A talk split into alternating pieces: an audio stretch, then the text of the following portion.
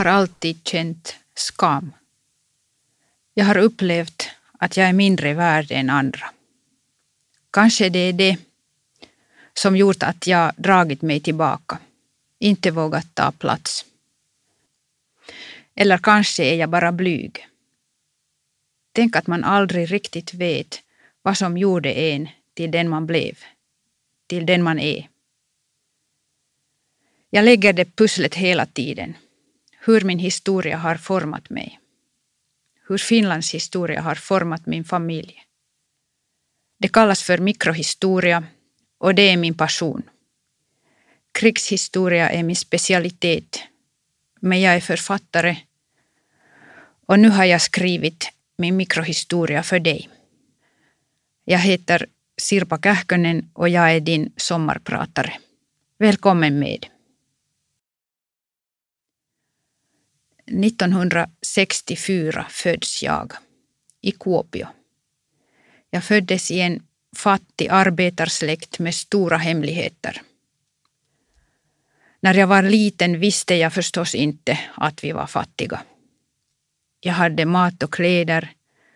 Min mommo och muffa tog hand om mig och jag lekte med likadana barn. Först när jag började skolan började jag inse att det inte var så fint att bo i ett gammalt trähus. Det var finare att bo i de fula och nybyggda höghusen.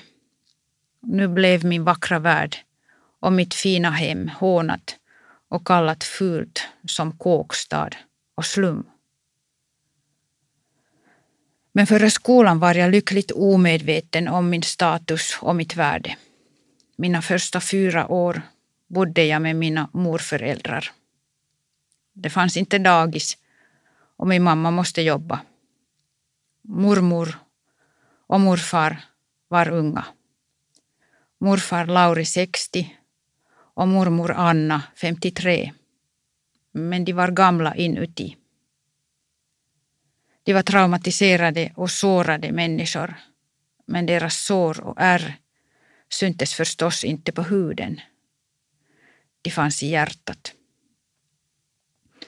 För Muffa som eh, redan hade slutat arbeta var jag det första lilla barn han bekantade sig med. Han hade varit med i vinterkriget, fortsättningskriget och kriget i Lappland. Och under dessa år hade hans bebisar vuxit till småbarn. Och han hade inte heller varit så närvarande när han väl kom hem. Han hade varit en nervös och aggressiv pappa efter krigen och hade inte kunnat stå ut med sina barn och deras behov. Är bebisar faktiskt så här små? hade han undrat när han såg mig första gången och min mormor räckte mig till honom och han fick hålla mig i sin famn. Själv hade han blivit pappa 1939. Hans son föddes för tidigt för att min mormor blev så rädd efter att hennes make hade blivit häktad av statliga polisen just innan vinterkriget bröt ut. I förhören sade min muffa att han hade lärt sin läxa i Ekenäs tvångsarbetsinrättning. Han ville inte hamna i fängelse igen. Han var färdig att göra vad som helst, till och med avstå från sin politiska övertygelse. Vad som helst blev denna gång krig. Han skickades ut i kriget. Min muffa var en illegal kommunist och satt i fängelse i Ekenäs på 20-talet och andra gången på 30-talet. Han fängslades sommaren 1932 och kom hem i december 1938. Politik och den stora historien krossade mommos liv och hennes framtidsdrömmar. Muffa och mommo fick egentligen ingen start på sitt familjeliv. Mormor blev ensam med att fostra och sköta barn. Det var säkert svårt, men också svårt för Muffa att komma hem. Det viskades om fångenskapen och mormors besvikelse i familjen och i släkten.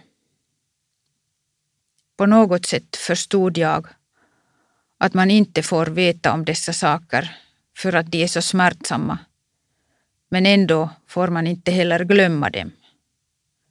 Denna diffusa ängslan ligger i kärnan till det som jag har kallat för mitt immateriella arv. Det var Astor Piazzollas Oblivion som spelades.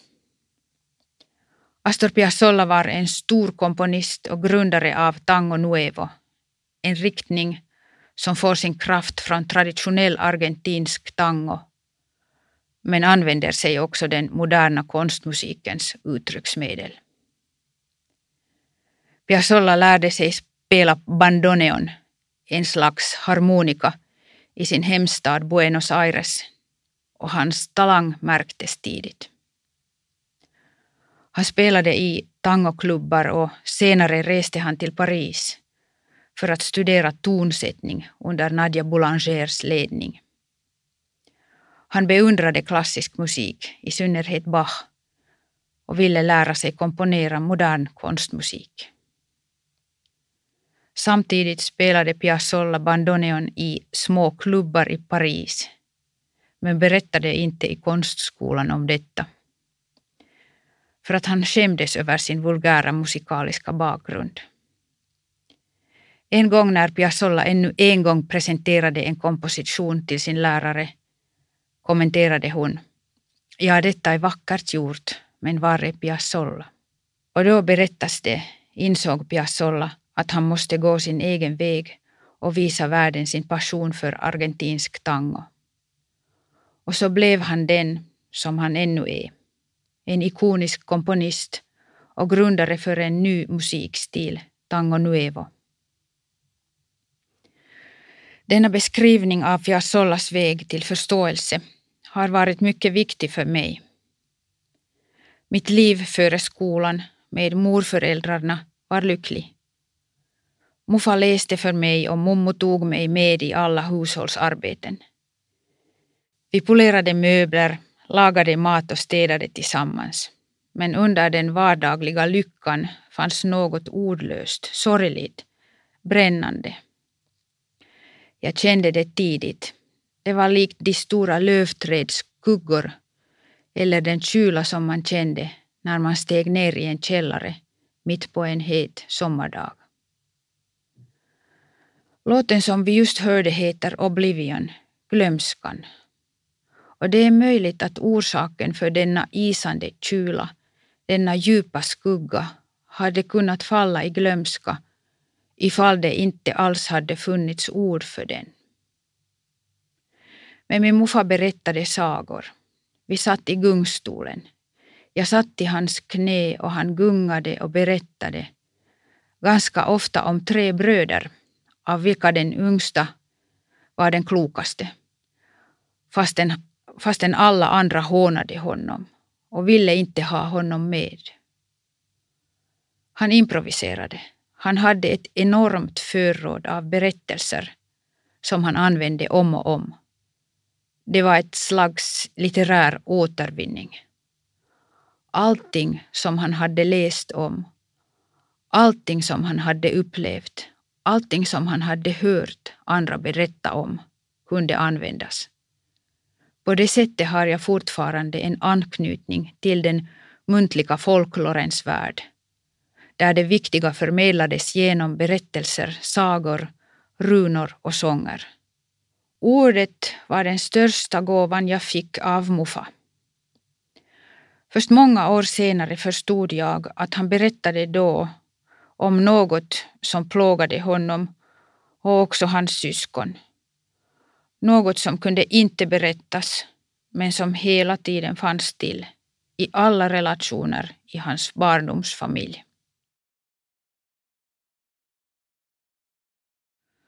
Morfar dog 1971 i magcancer.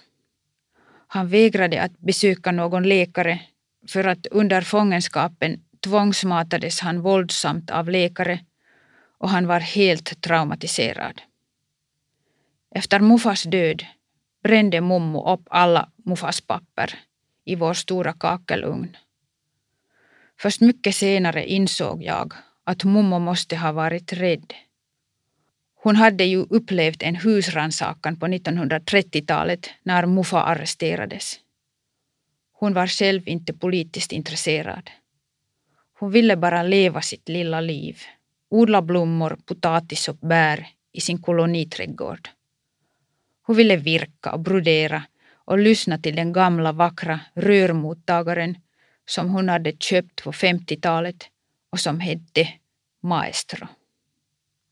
Momo brände upp historien. Allting skulle ha kunnat falla i glömska om inte Hilda skulle ha funnits. Hilda var morfars syster och hon brände inget.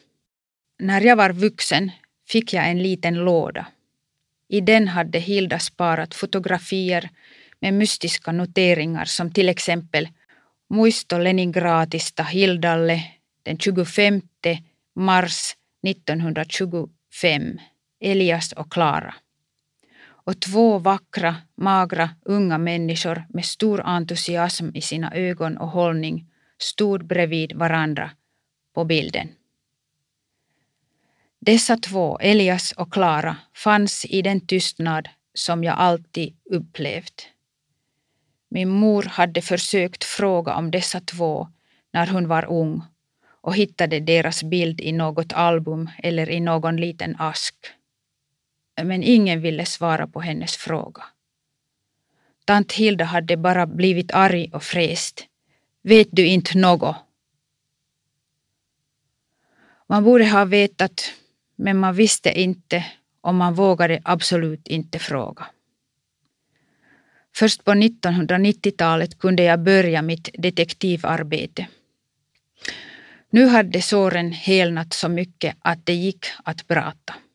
Nu var släkten och samhället färdiga att tala om den stora ofreden i Stalins Sovjetunion och nu öppnades de stora polisarkiven i Riksarkivet, nu för tiden kallad för Nationalarkivet.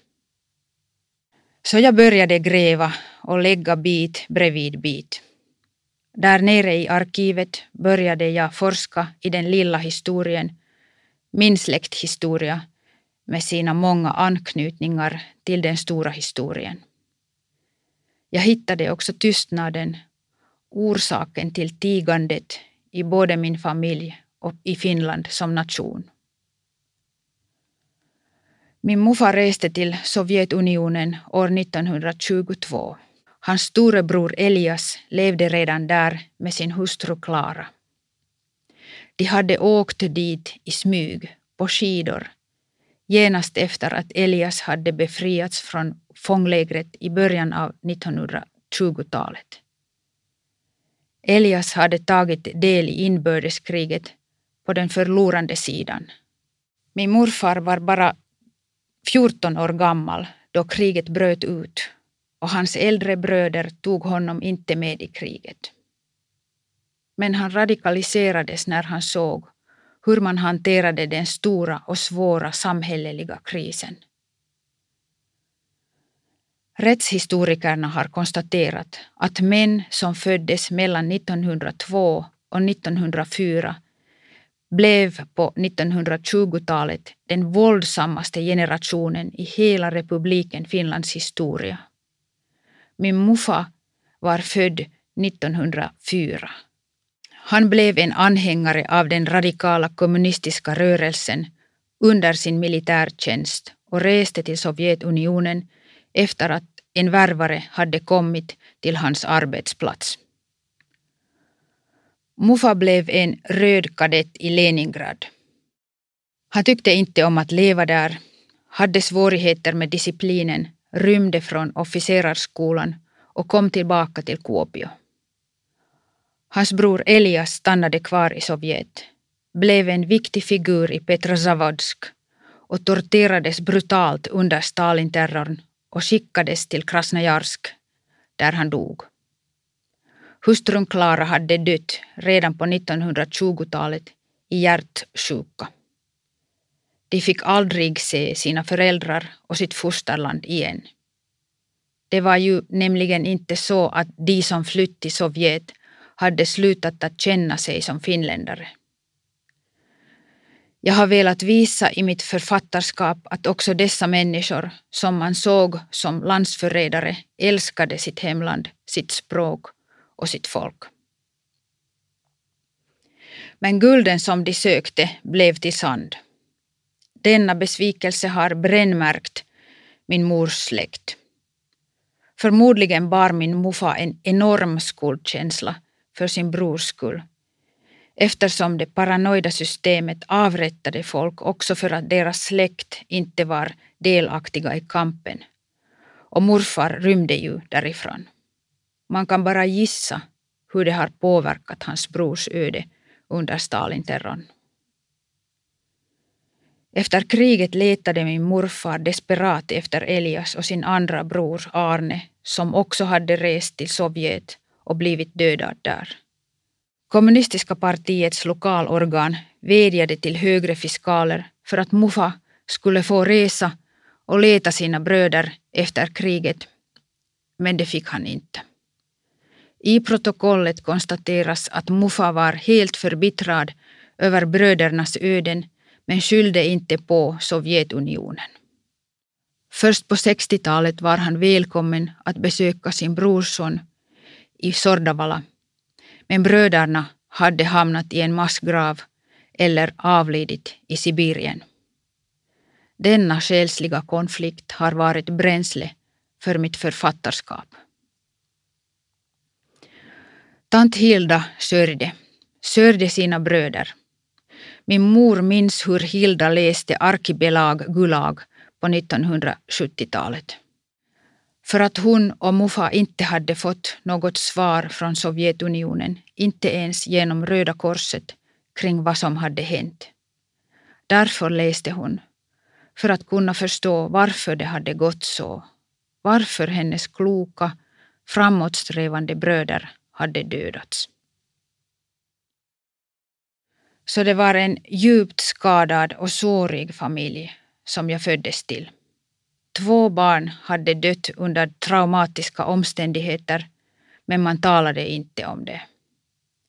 Tystnadens tradition fördes vidare, men det brann under huden. En stor ideologisk besvikelse och förbittring dominerade all diskussion. Det var Mufas historia som man lärde känna via hans historier, men även från viskningar och antydningar. Tystnaden talade också. Mommos trauma var mindre, trodde jag länge. Mommo var ihärdig, seg och kraftig. Hon fick allting att växa. Hon var inte lika hård som Mufa. Hon hade mjuka förkläden och vackra klänningar och nylonstrumpor som fästes vid ett liv med strumpeband. Hon var blyg och hade lockigt ljust hår som hon kammade med vatten för att få lockarna i ordning.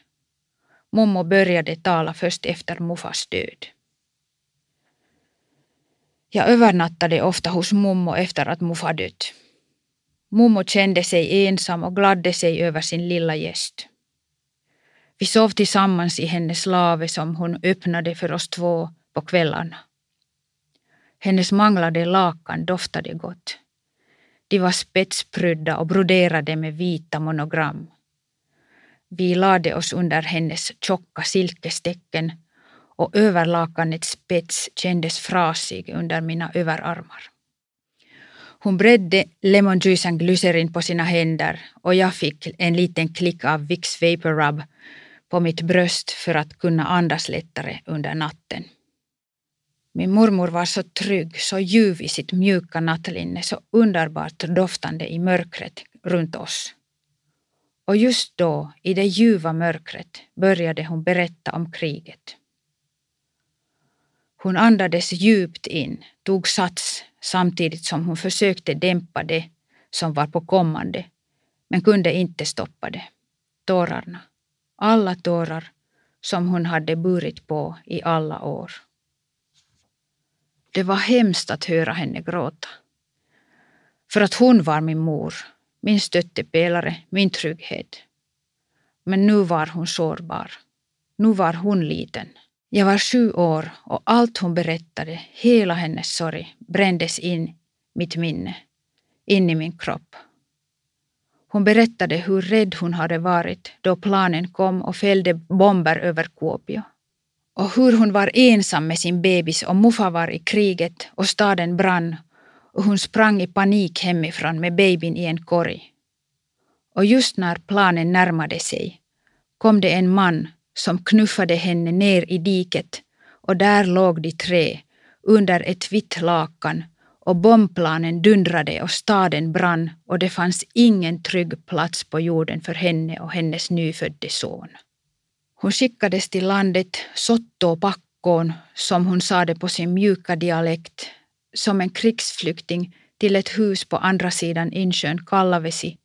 Och från stranden såg hon hur staden brann när hon sköljde bebisens blöjor i det iskalla sjövattnet. Först för ett par år sedan insåg jag att hon i början av 1970-talet hade sett Vietnamkrigets bombningar på TV och led förmodligen av posttraumatisk stressreaktion då. Men som barn förstod jag förstås inte hennes reaktioner.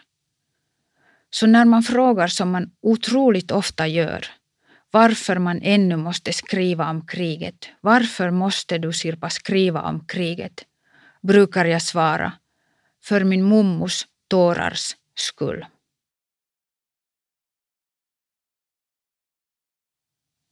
Jag som sommarpratar heter Sirpa Kähkönen och jag har skrivit flera romaner om andra världskriget.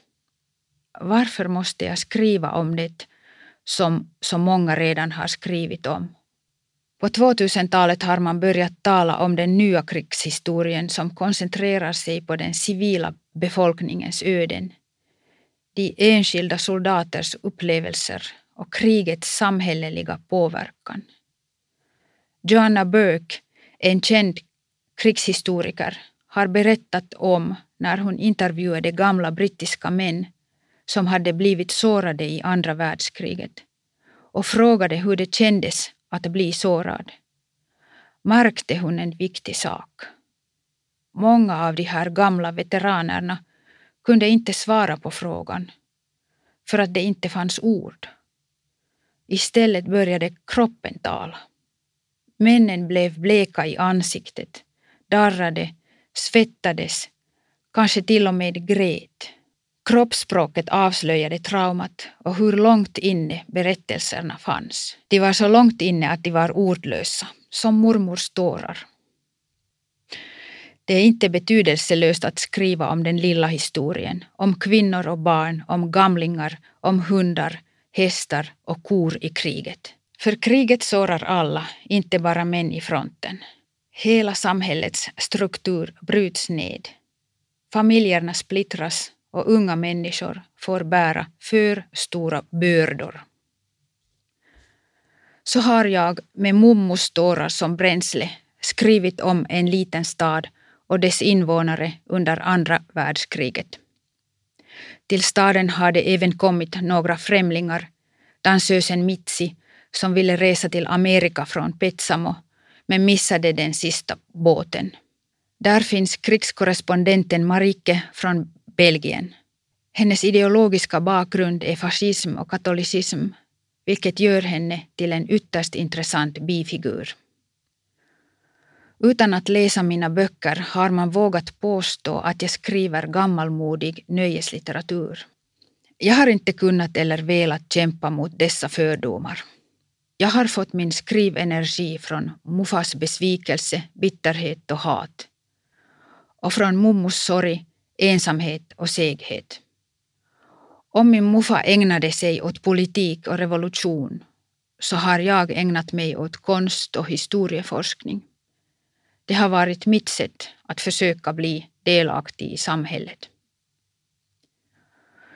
Vad innebär det att vara konstnär? Det är att trotsa. Tidvis har jag känt skam över mitt sätt att uttrycka mig, över det att man inte har förstått det som jag strävar efter. Jag har aldrig varit fashionabel. Men man får inte skämmas över det som man är. Var är Piazzolla? frågade Nadia Boulanger. Piazzollas urkraft kom från tangoklubbar och han har komponerat en underbar svit som heter Histoire du tango, tangons historia.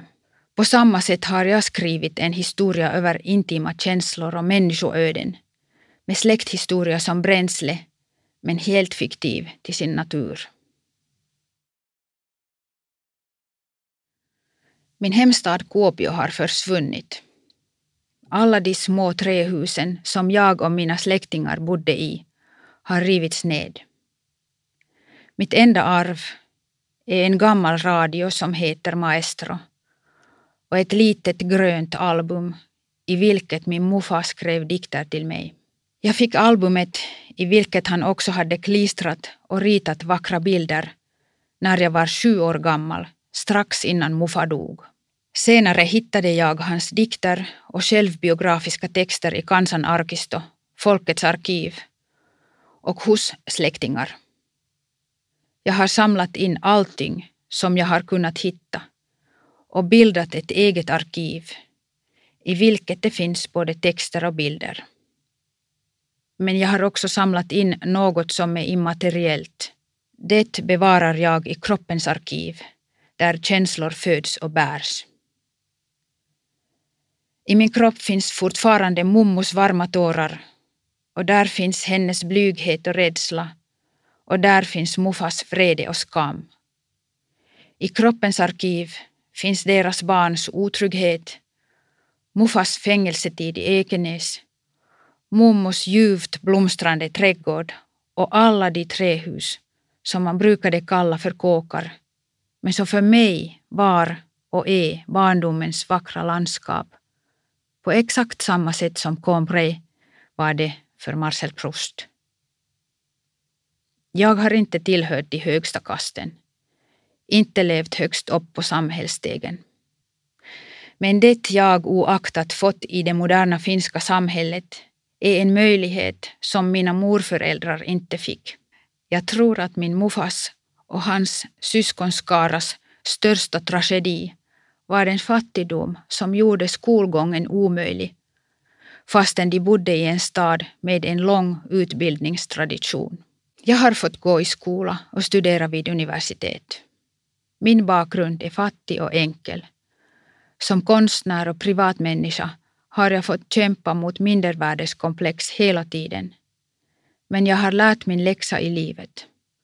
Har man gjort andra illa, har man sårat, har man betett sig brutalt kan man vara skamsen över sina dåd. Men man behöver inte skämmas över det som man är. Efter inbördeskriget plågades min mors släkt av hat och bitterhet och skuldkänslor. Det fanns inga möjligheter för försoning med sig själv eller med samhället. Jag tror att den sanna försoningen kommer både på den privata och allmänna nivån först då det immateriella, osynliga arvet blir synligt och man kan bearbeta det som är destruktivt i det. Hatet, sorgen, rädslan och skammen. Med tiden kan vi troligtvis använda de svåraste av känslor som grogrund för något nytt. Då kan vi vårda stora vackra blommor och samla in de värdefulla fröna och ge dem vidare till kommande generationer. Tack för att du lyssnat. Jag heter Sirpa Kähkönen. Jag är en författare som försöker sätta ord på det som krigen tystnat. För jag vill lämna några blommor. Den blommar kanske inte nu, men den blommar sedan rätt länge, min kära.